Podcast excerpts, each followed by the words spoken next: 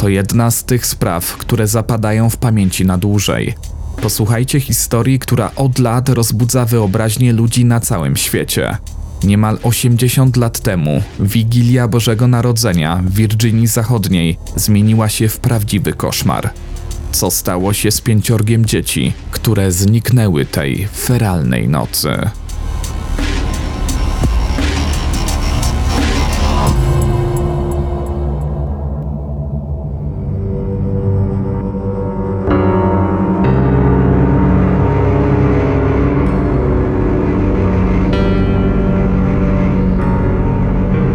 Opowiem Ci historię.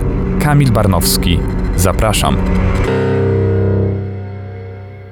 Ten odcinek powstał dzięki Waszemu wsparciu w serwisie Patronite. Jeśli chcesz dołączyć do patronów kanału Opowiem Ci historię, kliknij w link dostępny w opisie filmu. Z góry dziękuję.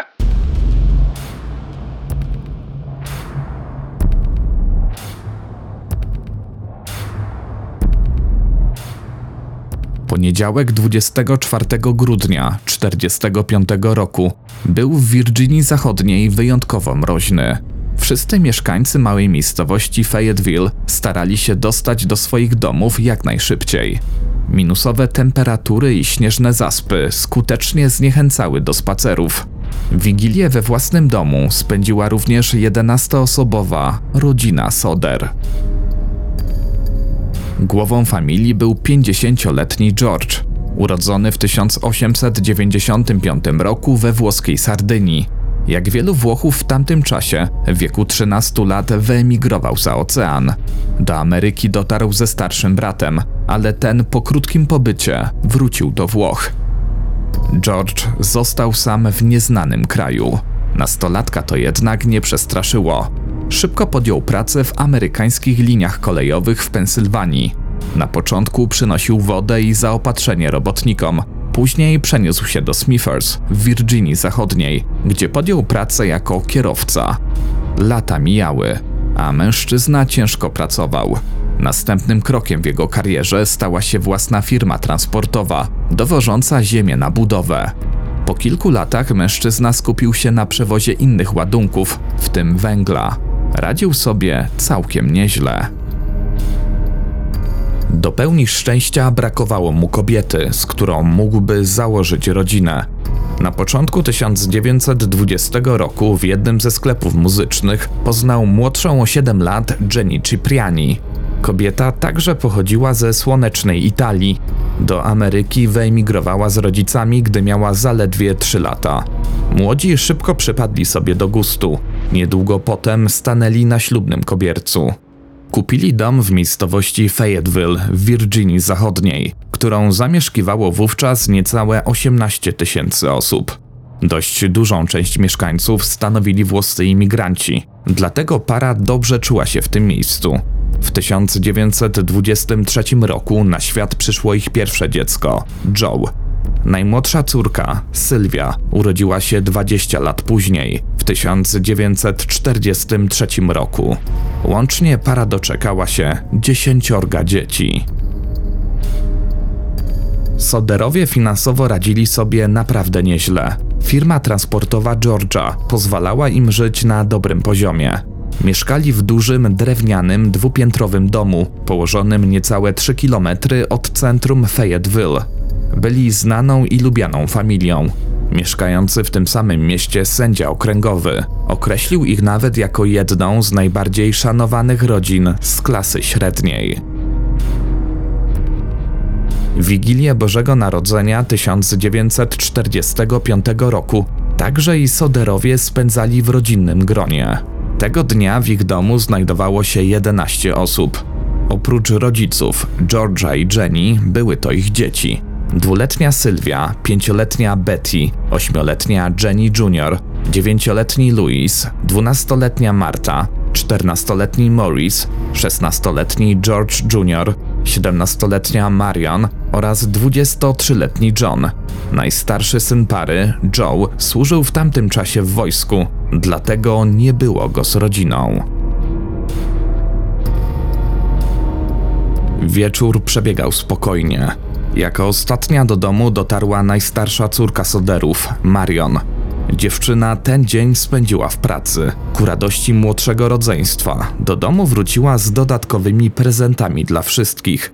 Po kilku godzinach zabawy nadeszła pora snu, ale część dzieci nawet o tym nie myślała. Uprosiły więc matkę, by mogły zostać w salonie nieco dłużej i kontynuować zabawę. Jenny zgodziła się i około 22 poszła na górę wraz z mężem oraz najmłodszą córką Sylwią. Godzinę później do łóżek udali się też chłopcy George Jr. i John. Na dole wciąż bawili się Betty, Jenny Jr., Louis, Marta, Maurice i Marion.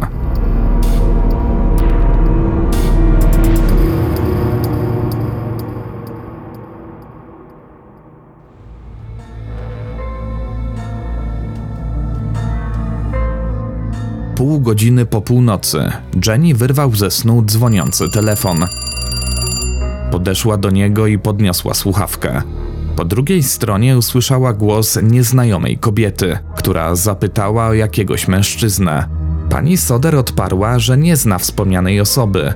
W odpowiedzi usłyszała dźwięk przestawianych szklanek i śmiech. Szybko uznała telefon za pomyłkę i nie zastanawiając się długo, odłożyła słuchawkę. Po zakończonej rozmowie nieco zaspana kobieta zauważyła, że w salonie nadal pali się światło. Niedomknięte były też drzwi wejściowe do domu, przez co do środka dostawało się mroźne powietrze. Pomyślała, że to pewnie dzieci, zmęczone zabawą, zapomniały pozamykać wszystko przed snem. Zrobiła to więc sama. Na koniec przykryła jeszcze kołdrą śpiącą na kanapie Marion. O pozostałe pociechy się nie martwiła. Uznała, że pewnie wszystkie już od dawna smacznie śpią na górze. Kobieta wróciła więc do łóżka i zasnęła, ale nie na długo. Kilkadziesiąt minut później sen przerwał dziwny dźwięk, jakby jakiś przedmiot toczył się po dachu. Przez chwilę przysłuchiwała się, próbowała odgadnąć, co to za hałas. Ostatecznie stwierdziła, że to pewnie nic takiego, jakiś ptak albo gałęzie, więc poszła dalej spać. Niecałe pół godziny później, około 1.30, znów coś wyrwało ją ze snu. Tym razem coś znacznie gorszego zapach spalenizny. Gdy tylko otworzyła oczy, zobaczyła, że cała sypialnia wypełniona jest dymem. Szybko obudziła Georgia. Następnie chwyciła w ręce najmłodszą córkę Sylwię, której łóżeczko znajdowało się w sypialni. Zaraz za nią pobiegł jej mąż. Biegnąc na dół, para krzyczała do pozostałych dzieci, by uciekały. Z domu udało się wydostać małżeństwu oraz czwórce ich pociech: Sylwii, Johnowi, Marion i George'owi Juniorowi. W środku wciąż pozostawało pięcioro maluchów, ale schody na strych, gdzie znajdowały się ich pokoje, były już zajęte ogniem, co mocno utrudniało dostanie się do środka. Ale George nie poddawał się. Chciał za wszelką cenę uratować swoje dzieci. Najpierw próbował wejść do budynku, wybijając okno na parterze. Ogień jednak rozprzestrzeniał się tak szybko, że płonął już cały dół domu. Widoczność utrudniały też kłęby gęstego dymu. Mężczyzna pobiegł na tył budynku, gdzie trzymał drabinę. Miał nadzieję, że dzięki niej uda mu się dostać na strych i uratować maluchy. Okazało się jednak, że drabiny tam nie ma. To było praktycznie niemożliwe, bo zawsze stała w tym miejscu i George w ostatnim czasie jej nie ruszał. Nie miał jednak czasu na rozmyślanie. Znalazł inny sposób na ratowanie dzieci. Pobiegł do jednej ze swoich ciężarówek, która stała na podjeździe. Chciał ją przestawić pod okna, tak by maluchy mogły zeskoczyć na jej dach. Tu spotkało go kolejne rozczarowanie. Przez chwilę zastanawiał się, co się dzieje. Przecież dzień wcześniej używał ciężarówek w pracy i obie działały bez zarzutu. Szybko wziął się jednak w garść i dalej szukał sposobu na ratowanie dzieci. Jak podaje Karen Abbott w artykule Smithsonian Magazine. Próbował nabrać wody z beczki na deszczówkę, by gasić ogień, ale okazało się, że jest zamarznięta. Pięć jego pociech utknęło gdzieś w tych wielkich kłębach dymu. Nie zauważył nawet, że jego ramię było całe we krwi. Nie czuł też bólu gardła od ciągłego wykrzykiwania ich imion. W międzyczasie jego 17-letnia córka Marion pobiegła do domu sąsiadów, skąd chciała wezwać straż pożarną. Jak na złość nie udało się połączyć z operatorem centrali, który mógłby zadzwonić po pomoc. W latach 40. ubiegłego wieku nie było jeszcze możliwości bezpośredniego dzwonienia do służb ratunkowych. Telefonowano do centrali, która łączyła dzwoniącego z konkretną jednostką. Przed domem Soderów zbierał się coraz większy tłum. Wszyscy byli przerażeni pożarem trawiącym budynek. Nagle w tłum wbiegła Marion, krzycząc, że nie może skontaktować się ze strażą pożarną. Na pomoc ruszył jeden z sąsiadów. Natychmiast udał się do swojego domu po samochód i pojechał w stronę centrum Fayetteville, by znaleźć szefa strażaków. Udało mu się. Na F.J. Morrisa, czyli kierownika miejscowej jednostki straży pożarnej, wpadł w knajpie. Opowiedział mu, co dzieje się z domem Soderów i poprosił o szybkie wezwanie pomocy. Fayetteville używało wtedy popularnego również w innych miastach tak zwanego systemu drzewa telefonicznego. Polegało to na tym, że szef jednostki powiadamiał o pożarze jednego ze strażaków, następnie on dzwonił do kolejnego i tak dalej, aż wszyscy pracownicy otrzymają te informacje. Z tego sposobu skorzystano i tym razem, ale nie przyniósł on szybkiej reakcji. Ze względu na dzień pożaru, czyli święta, oraz fakt, że straż działała wyłącznie ochotniczo, wóz strażacki dotarł na miejsce dopiero w okolicach 8 rano. Na ratunek było już za późno. Dom Soderów doszczętnie spłonął. Pięcioro dzieci Jenny i Georgia zostało w środku. Tym samym zginęły w pożarze. Z taką myślą przeszukanie pogorzeliska rozpoczęli policjanci z miejscowej jednostki. Był 25 grudnia, pierwszy dzień świąt Bożego Narodzenia.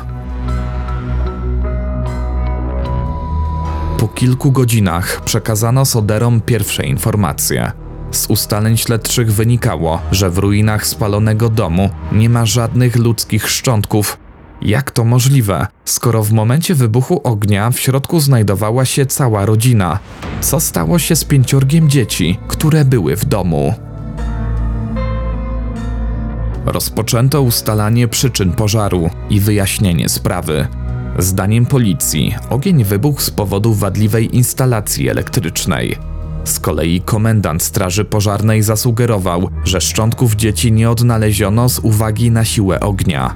Jego zdaniem ciała łącznie z kośćmi musiały zostać całkowicie zwęglone. Te wnioski szybko przyjęto za pewnik i zrezygnowano z prowadzenia dalszego śledztwa. Pod koniec grudnia gazety napisały: Pięcioro z dziesięciorga dzieci państwa Soder zginęło w pożarze domu mieszczącego się 3 km na północ od centrum Fayetteville. Ofiary w wieku od 6 do 15 lat zostały uwięzione na ostatnim piętrze domu. Mimo zawziętych prób uratowania ich, podjętych przez rodzinę oraz resztę rodzeństwa, nie udało się wydostać ich z budynku. –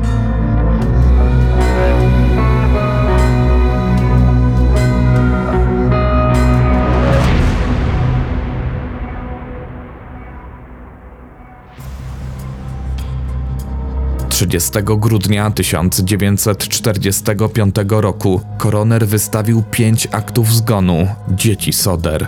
Jako przyczynę śmierci podał pożar lub uduszenie. Według służb to zamykało sprawę, a Jenny i George powinni pogodzić się ze stratą i żyć dalej. Ale para nie wierzyła w śmierć dzieci w ogniu. Byli praktycznie pewni, że ich pociechy musiały zostać uprowadzone jeszcze zanim wybuchł pożar, a kolejne wydarzenia miały po prostu zatuszować tę sprawę. Domu zniszczonego w pożarze Soderowie nigdy nie odbudowali. Kilka dni po tragedii zburzyli resztkę budynku buldożerami, zasypali piwnicę ziemią i stworzyli ogród pamięci. Chcieli w ten sposób uczcić swoje dzieci. To dawało im też nadzieję na rozwiązanie sprawy i ustalenie, co tak naprawdę stało się z piątką maluchów. Małżeństwo nie wierzyło w wersję awarii instalacji elektrycznej. Niedługo przed pożarem dom przeszedł przegląd techniczny i nic nie wskazywało na to, że istnieją jakieś ukryte usterki. Specjalista sprawdzający instalację jednoznacznie stwierdził, że jest ona w dobrym stanie. Tej teorii przeczył też fakt, że świąteczne lampki powieszone w domu paliły się przez całą początkową fazę pożaru. W przypadku uszkodzenia instalacji byłoby to niemożliwe. Jakby tego było mało, dzień po pożarze, podczas sprzątania gruzowiska, Jenny znalazła sprzęt kuchenny. Nie byłoby w tym nic dziwnego, gdyby nie fakt, że był w nienaruszonym stanie. Jak to więc możliwe, skoro ogień miał spopielić ludzkie kości? Para nie wierzyła też w wersję o całkowitym zwęgleniu ciał dzieci. By to sprawdzić, Jenny przeprowadziła nawet własny eksperyment. Kilka razy próbowała spalić małe kości zwierzęce. Wykorzystała do tego m.in. kurczaka i stawy wołowe. Ale każda próba kończyła się tym samym. Kości nie udało się spalić całkowicie. Zawsze coś zostawało. Ten wątek wzbudzał wątpliwości w pani Soder, także z innego powodu. Mniej więcej w tym samym czasie doszło w okolicy do innego tragicznego pożaru. Zginęła w nim siedmioosobowa rodzina, a w zgliszczach domu znaleziono kości wszystkich ofiar. Dlaczego więc szczątki jej dzieci miały zostać doszczętnie spalone? Kobieta postanowiła skonsultować się w tej sprawie z krematorium. Pracownik krematorium poinformował ją, że po dwugodzinnym spalaniu ciał w temperaturze 2000 stopni pozostają kości, a ich dom został zniszczony w 45 minut. Wiele miejsca wątkowi spalenia szczątków poświęciły też lokalne media. Dziennikarze opisujący pożar domu Soderów rozmawiali z różnymi ekspertami. Jeden z nich powiedział prasie. Nie powiedziałabym, że to niemożliwe, ale wysoce nieprawdopodobne.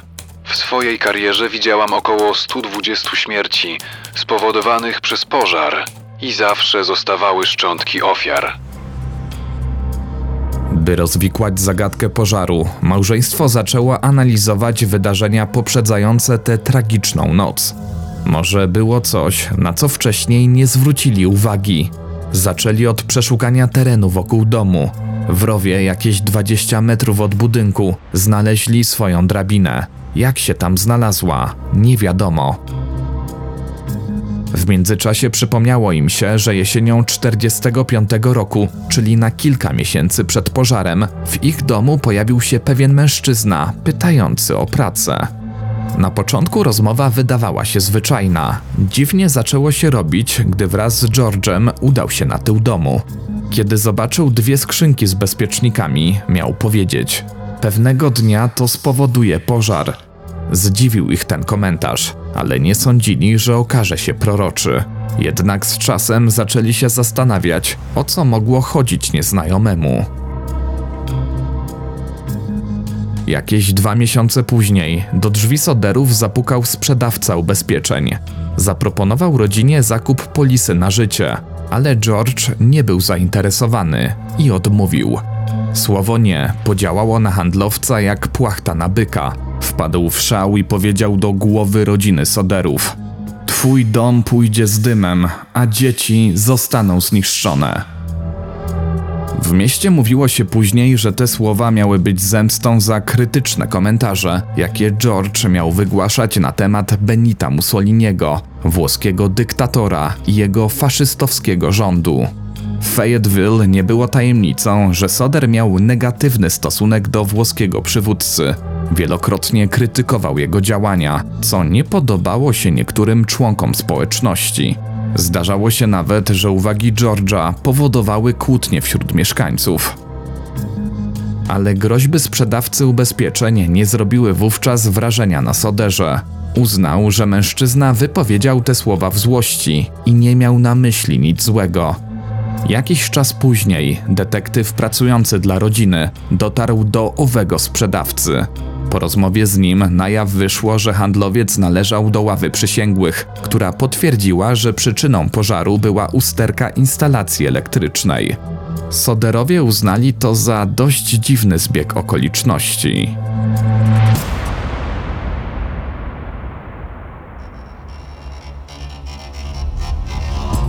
To nie był jednak koniec nietypowych zdarzeń. Synom, którzy przeżyli pożar, przypomniało się, że na krótko przed Bożym Narodzeniem kilka razy widzieli przed domem samochód, a w nim mężczyznę. Nieznajomy obserwował młodsze dzieci soderów wracające ze szkoły. Gdyby tego było mało, serwisant telefonów przekazał rodzinie, że ich linie telefoniczne nie zostały zniszczone w pożarze. Ktoś przeciął je, zanim wybuchł ogień. Niedługo potem policjanci otrzymali zgłoszenie o kradzieży, do której miało dojść w momencie, gdy dom Soderów płonął. Świadek twierdził, że widział wówczas złodzieja zabierającego z posesji sprzęt. Podejrzewano, że to właśnie on przeciął kable telefoniczne, a następnie majstrował przy samochodach George'a. Nigdy jednak nie udało się zidentyfikować wspomnianego mężczyzny i ustalić, dlaczego miałby dopuścić się tych rzeczy. Podczas swoich działań śledczy sprawdzili również numer, z którego w Wigilię ktoś zadzwonił do Soderów. Kobieta, do której dotarli, twierdziła, że po prostu się pomyliła. Policjanci nie zdecydowali się na dokładniejsze zbadanie tego wątku. Po jakimś czasie na komisariat zgłosił się kierowca autobusu, który w noc pożaru przejeżdżał obok domu małżeństwa. Zeznał, że widział, jak jacyś ludzie rzucali na dach ogniste kule, ale nie był w stanie wyjaśnić, co to było. Co ciekawe, kilka miesięcy później najmłodsza córka Soderów, Sylwia, podczas zabawy w ogrodzie na posesji, gdzie mieścił się dom, znalazła mały, twardy, gumowy przedmiot, przypominający kulkę. Opisała to na swoim blogu Legends of America, Kathy Alexander. Przypominając sobie relację żony o głośnym uderzeniu w dach przed pożarem, George stwierdził, że znalezisko córki przypominało granat ręczny lub inne urządzenie zapalające używane podczas działań wojennych. Był przekonany, że wbrew temu, co ustaliła Straż Pożarna, ogień pojawił się na dachu, ale tej tezy nigdy nie udowodniono. Na policję zgłosił się także mężczyzna, który twierdził, że w noc pożaru widział czarny samochód odjeżdżający spod płonącego domu. W środku miało znajdować się kilka osób. Choć podjęto próby zlokalizowania auta i jego pasażerów, nigdy nie udało się do nich dotrzeć. Nie było więc możliwości sprawdzenia, czy w środku rzeczywiście znajdowały się porwane dzieci Jane i Georgia. Równocześnie ze śledztwem policji swoje własne dochodzenie prowadziła rodzina. W 1947 roku w jednym z kolorowych magazynów George natknął się na zdjęcie grupy dziewcząt ze szkoły z Nowego Jorku. Jedna z nich była łudząco podobna do jego zaginionej córki Betty. Ale gdy dotarł na Manhattan i odnalazł wspomnianą szkołę, dyrekcja nie pozwoliła mu zobaczyć się z dzieckiem. Przekonywali, że to nie jest zaginiona Betty. Poza tym zasady szkoły były jasne. Nie ma zgody na to, by maluchy spotykały się z obcymi osobami. George długo wierzył, że placówka coś ukrywa i nie chce wyjawić swojego sekretu. Nigdy jednak nie udało się jednoznacznie potwierdzić, czy na zdjęciu rzeczywiście była Betty. Mimo to małżeństwo wciąż wierzyło w teorię o uprowadzeniu dzieci i podłożeniu ognia w celu zatarcia śladów. Mniej więcej w tym samym czasie detektyw pracujący dla Soderów poinformował ich o swojej rozmowie z lokalnym księdzem.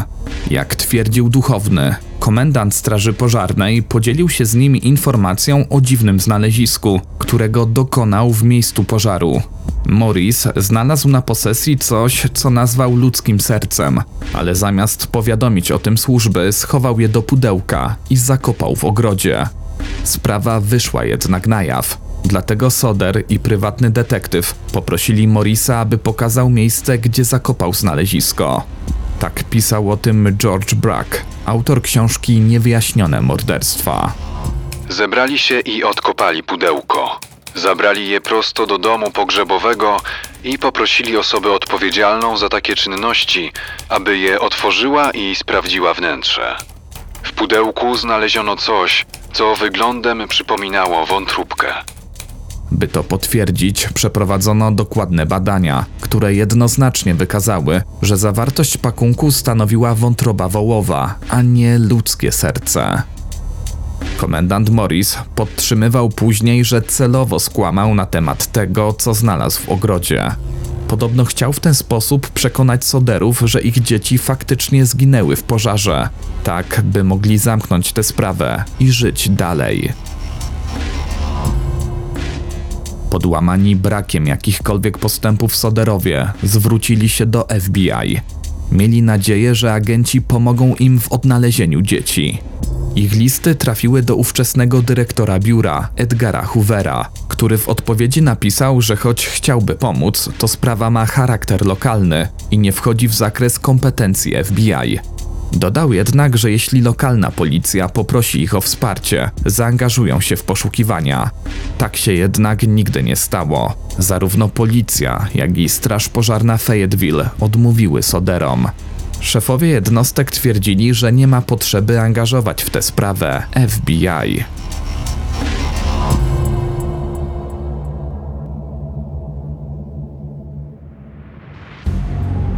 Małżeństwo nie załamało się.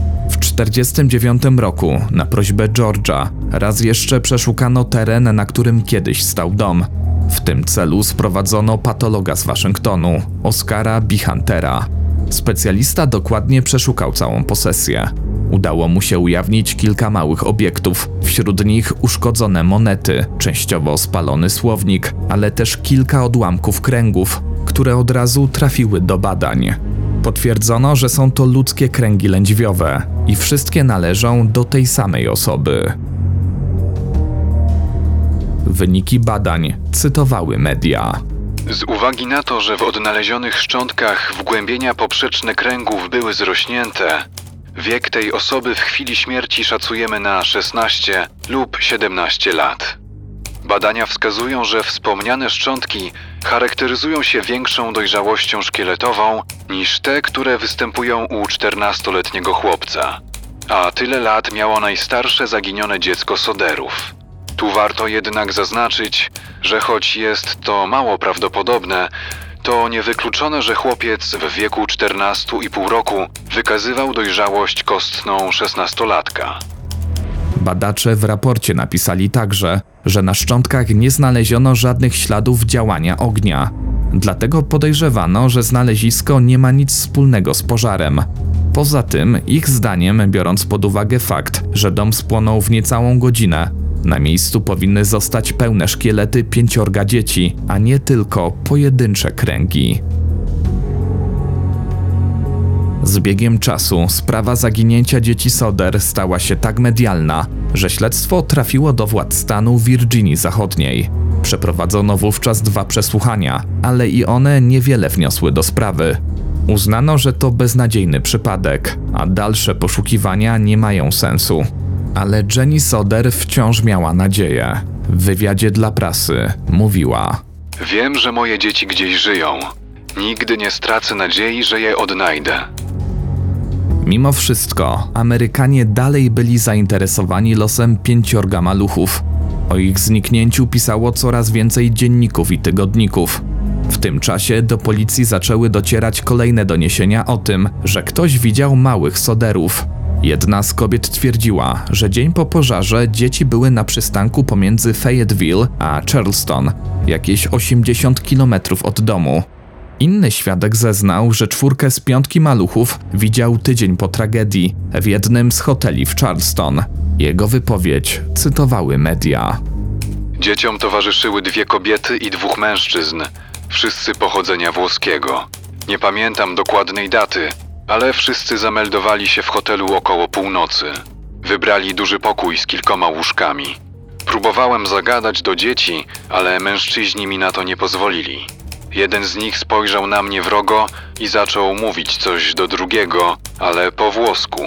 Więcej się do mnie nie odezwali. Wyjechali następnego dnia z samego rana. Podobnych doniesień było naprawdę sporo. Do Soderów dotarł też list od kobiety z St. Louis w stanie Missouri, która twierdziła, że najstarsza zaginiona córka, Marta, przebywa w tamtejszym klasztorze. Choć trop sprawdzono, to na dziewczynę nigdy nie natrafiono. Z rodziną skontaktowała się także mieszkanka Houston.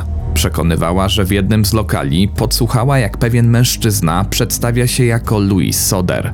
Miał około 30 lat. Choć George był w tamtym czasie mocno schorowany, postanowił pojechać w to miejsce i sprawdzić, czy to, co mówiła kobieta, jest prawdą. Ale gdy tam dotarł, okazało się, że tajemnicza pani nie chce z nim rozmawiać. Uznała, że przekazała mu wszystko, co wie.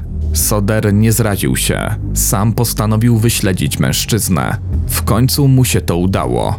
Ustalił nawet, że rzekomy Louis ma brata, dlatego George'owi przeszło przez myśl, że może nim być jego drugi syn, Morris. Wkrótce spotkał się z mężczyznami, ale obaj stanowczo zaprzeczyli, że są zaginionymi dziećmi. Lata mijały, a małżeństwo skrupulatnie sprawdzało każdy telefon z nawet najbardziej nieprawdopodobną informacją. George odbył wiele podróży po kraju, by weryfikować napływające wiadomości. Zawsze jednak poszukiwania kończyły się tym samym dzieci nie było. W 1952 roku, wzdłuż drogi stanowej nr 16, w pobliżu miasteczka Enstead, Soderowie postawili ogromny billboard. Znalazły się na nim zdjęcia piątki dzieci, ich opisy, a także informacja o nagrodzie. Małżeństwo było gotowe zapłacić 5 tysięcy dolarów osobie, która przekaże jakiekolwiek pomocne informacje. Niedługo potem nagrodę podwojono. O billboardzie rozpisywała się okoliczna prasa. George Soder postawił na wzgórzu przy swoim obecnym domu duży billboard ze zdjęciami swoich dzieci. Znajdują się na nim także napisy mówiące o wielkiej tragedii, jakiej doświadczyli. Niestety billboard nie przyniósł rozwiązania zagadki. Nie pojawiły się żadne informacje, które mogłyby pomóc. W tym samym roku zakończyło się kolejne, trzecie już śledztwo w tej sprawie, ale i ono nie wniosło nic nowego. Gazeta The Bradenton Herald donosiła. Nikt nie dał Soderom odpowiedzi na pytanie, co się stało. Żadne śledztwo nie wykazało nawet najdrobniejszych dowodów, że dzieci rzeczywiście zginęły w pożarze. Jednocześnie śledczy uważają, że nie ma powodu, dla którego ktoś miałby chcieć porwać dzieci. Ich zdaniem nie jest możliwe także to, by zostały one wyprowadzone z domu bez obudzenia innych członków rodziny. Sprawa pożaru domu Soderów była tak głośna, że niektóre media pisały nawet o innych szczegółach z życia rodziny. Pod koniec kwietnia 1956 roku ukazał się artykuł opisujący wypadek, któremu uległ sześcioletni wnuk George'a Sodera. Wczoraj sześciolatek został uderzony przez samochód. Stało się to, gdy wracał do domu ze szkoły. Chłopiec został zabrany do szpitala.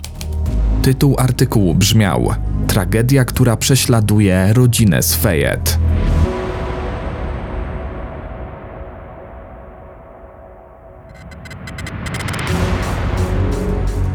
Kolejną nadzieję dał Soderom list, który trafił w ich ręce w 1968 roku, czyli ponad 20 lat po pożarze. Koperta została wysłana z Kentucky, ale nie miała adresu zwrotnego. W środku znajdowało się zdjęcie mężczyzny, około dwudziestokilkuletniego. Na odwrocie fotografii napisano: Louis Soder. Kocham brata Frankiego. Trzech chłopców. A90, 132 lub 35. Według małżeństwa młody mężczyzna bardzo przypominał im zaginionego syna. Oprócz kręconych ciemnych włosów i oczu w kolorze ciemnego brązu, miał też podobny nos i zadrapanie przy lewej brwi. Gdy z listem poszli na policję, funkcjonariusze stwierdzili tylko, że musi to być jakiś ponury żart, bo to niemożliwe, że chłopak wciąż żyje. Ale Jenny i George byli zdeterminowani. Dlatego postanowili na własną rękę sprawdzić, kto jest nadawcą listu. Skontaktowali się z policją z Kentucky. W odpowiedzi usłyszeli, że w stanie nie mieszka żaden Louis Soder. Zdecydowali się więc na zatrudnienie prywatnego detektywa, który miał pojechać do Kentucky i odwiedzić nadawcę listu. Mężczyzna wziął pieniądze od zdesperowanego małżeństwa i zniknął, nigdy nie wykonując powierzonego mu zlecenia. Soderowie byli załamani, ale postanowili działać. Zmienili zdjęcie na billboardzie, dodali zaktualizowany wizerunek Louisa. Kilka dni po tym, w wywiadzie dla lokalnej gazety, George powiedział: To jak uderzanie w kamienną ścianę. Wciąż nie możemy iść dalej, a czas nam ucieka. Chcemy tylko wiedzieć, czy nasze dzieci rzeczywiście zginęły w tym pożarze. Jeśli nie, pragniemy dowiedzieć się, co się z nimi stało. Lata mijały, a przełom nie nadchodził. Małżeństwo wciąż jednak regularnie dbało o billboard. Jedną z takich renowacji opisała miejscowa gazeta. Nie byłoby w niej nic dziwnego, gdyby nie zagadkowe sytuacje, które miały miejsce kilka dni po naprawie. Jenny tak opisała je w rozmowie z prasą. Pewnego dnia, gdy oglądałam telewizję, usłyszałam huk wystrzału z pistoletu. Podeszłam do okna, aby zobaczyć, co to było. Wydawało mi się, że dźwięk dobiegał z ulicy. Wyszłam z domu i skierowałam się w stronę billboardu.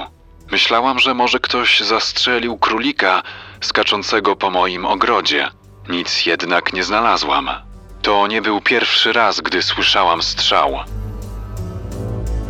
Mniej więcej trzy lata wcześniej kobieta również słyszała wystrzał z pistoletu. Stała wówczas w ogrodzie, a kula uderzyła w dach jej domu. Na pytanie dziennikarza, czy nie boi się o życie, odpowiedziała: Jeśli miałabym umrzeć, zginęłabym 30 lat temu w pożarze. Mam zamiar walczyć z tym, co się dzieje i nic nie sprawi, że przestanę wierzyć w to, że moje dzieci wciąż żyją. Podobnie myślały też dzieci, które przeżyły tę okrutną bożonarodzeniową noc. Jeden z synów pary, John, wielokrotnie przekonywał, że jego rodzeństwo nie mogło zginąć w pożarze. W wywiadzie udzielonym gazecie News and Record mówił: Być może straż pożarna została przekupiona i dlatego tak późno dotarła na miejsce. To się zdarzyło w Fayette County. Jeśli chcieli się kogoś pozbyć, to robili to. Z drugim bratem myśleliśmy, że może chcieli pozbyć się nas wszystkich. My uciekliśmy z domu, ale ledwo nam się to udało. Drugi raz pewnie byśmy tego nie przeżyli. Przez lata poszukiwań narosło wokół tej historii wiele różnych hipotez. Jedna z głównych była taka, że dzieci rzeczywiście zginęły w pożarze, choć nigdy nie udało się tego potwierdzić ze stuprocentową pewnością. Według innej wersji mali Soderowie zostali porwani. Świadczyć o tym miały zeznania świadka, który w noc pożaru widział samochód oddalający się spod domu. Niektórzy twierdzili, że być może dzieci po prostu uciekły od rodziców. Może działo się tam coś, o czym nikt nie wiedział, ale i ta teoria nie znalazła potwierdzenia. Pojawiły się też głosy, że maluchy zostały ofiarami handlu ludźmi, który miał miejsce w tamtym czasie w USA. Nie brakowało też teorii, że dzieci zostały porwane i zabite w akcie zemsty. Miał tego dokonać były pracodawca lub współpracownik Georgia. W pewnym momencie podejrzewano nawet, że maluchy uprowadził brat Jenny, Frank, i zabrał je do Tampy na Florydzie. Ale te teorie obalił jeden z detektywów badających sprawę. Z biegiem lat pojawiły się w tej sprawie kolejne hipotezy. Jedna z nich głosiła, że George, prowadzący biznes związany z węglem, podpadł włoskiej mafii. W odwecie mieli oni porwać jego dzieci i wywieźć je na Sycylię. Tę historię uwiarygadniał fakt, że na odwrocie fotografii, którą w 1968 roku otrzymała rodzina, znajdowały się cyfry 90-132. A to kod pocztowy Palermo, miasta położonego właśnie na Sycylii. Być może porywacze chcieli zażądać okupu od rodziny, ale coś poszło nie tak i nigdy tego nie zrobili.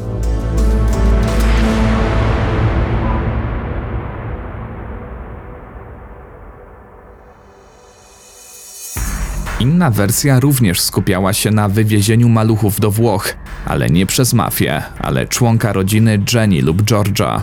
Jednak dlaczego dzieci miały nigdy nie odezwać się do rodziców? Kolejna równie ciekawa hipoteza głosiła, że być może małych soderów porwał jakiś zwolennik Mussoliniego w zemście za krytyczne komentarze Georgia pod adresem włoskiego dyktatora. W późniejszych latach, gdy internet stał się popularniejszy i bardziej dostępny, sprawa zaginięcia dzieci soderów odżyła. Zainteresowali się nią działający hobbystycznie detektywi, wśród nich Nancy Rust, emerytowana funkcjonariuszka organów ścigania. Tak tłumaczyła swoje zaangażowanie w tej sprawie. Moje osobiste zainteresowanie wynika z faktu, że kiedyś po prostu przejeżdżałam obok billboardu z twarzami dzieci Soder. Ten obraz tak bardzo wyrył się w moim umyśle, że pozostaje ze mną do dziś. Dlatego mam takie silne pragnienie, aby dowiedzieć się, co stało się z tą rodziną. Na internetowych forach przez lata pojawiły się różne teorie dotyczące sprawy. Były wersje o tym, że pożar spowodował wściekły weteran II wojny światowej, który chciał się zemścić na Włochu, a także podejrzenia, że to dzieci wznieciły pożar i uciekły. Sierpniu 1969 roku, po prawie 25 latach poszukiwań, zmarł George Soder. Miał 73 lata. Wdowa po nim, Jenny, do końca życia nosiła w sercu żałobę, każdego dnia ubierając się na czarno. Odgrodziła się od ludzi, wokół domu wybudowała płot. Zmarła w 1989 roku, w wieku 85 lat. Małżeństwo nie poznało prawdy o tym, co stało się z ich dziećmi. Billboard stojący nieopodal Enstead został zdemontowany niedługo po śmierci Jenny. Po odejściu rodziców, dzieci Soderów na własną rękę próbowały ustalić, co stało się z ich rodzeństwem. Nieustannie starały się nagłaśniać sprawę i badały każdy pojawiający się trop.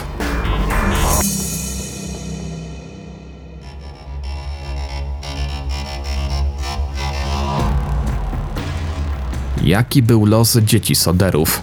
Oficjalna wersja służb od lat jest taka sama. Zginęły w pożarze w 1945 roku. Mimo braku twardych dowodów, zdaniem śledczych to najbardziej racjonalne wyjaśnienie. Za przyczynę wybuchu ognia wciąż uważa się usterkę instalacji elektrycznej. Ale trudno nazwać przypadkiem zdarzenia, które odnotowano tamtej nocy. Brakująca drabina, zepsute ciężarówki, przerwana linia telefoniczna. To wszystko, plus groźby kierowane przed pożarem w stronę Soderów, mogą świadczyć o tym, że ogień ktoś podłożył. Pozostaje pytanie, kto mógł to zrobić? Najmłodsza córka Soderów, Sylwia, zmarła w kwietniu 2021 roku. Aż do śmierci wierzyła, że jej rodzeństwo nie zginęło w pożarze, który ona przeżyła. Była wdzięczna ludziom zaangażowanym w tę sprawę. Jeszcze przed śmiercią mówiła. Jesteśmy głęboko poruszeni, wiedząc, że po tylu latach ludzie nadal przejmują się losem naszej rodziny. Nasi rodzice do końca mieli nadzieję, że pewnego dnia ich wysiłki przyniosą rozwiązanie tej zagadki. Nawet jeśli nastąpi to już po ich śmierci. Sylwia Soder, jako matka dwójki dzieci, całe życie opowiadała im historię swojej rodziny i rodzeństwa, które zniknęło. Jej córka, obecnie 54-letnia Jenny, tak wspominała to w wywiadzie dla The Independent. Ta historia była od zawsze częścią naszej rodziny. To było tak bardzo połączone z nami, że wydawało mi się zupełnie normalne, że ciągle o tym rozmawiamy. Moi dziadkowie tak kochali te dzieci, że nigdy nie stracili nadziei na ich odnalezienie. Myślę, że ta historia dotyka ludzi, bo to nie było jedno dziecko, tylko duża część rodziny. Do tego to wszystko wydarzyło się podczas świąt Bożego Narodzenia. Nawet jeśli dzieci Soder przeżyły pożar, najprawdopodobniej zmarły już wiele lat temu. Pomimo licznych tropów i teorii na temat ich zniknięcia, sprawa nadal pozostaje niewyjaśniona.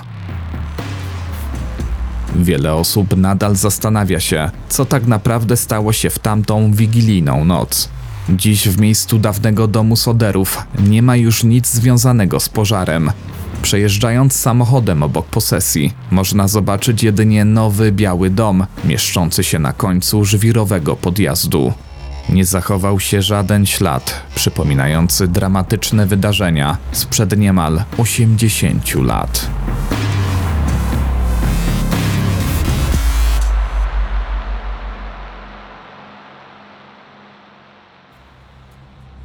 Ten odcinek powstał dzięki Waszemu wsparciu w serwisie Patronite. Jeśli chcesz dołączyć do patronów kanału Opowiem Ci historię, kliknij w link dostępny w opisie filmu. Z góry dziękuję.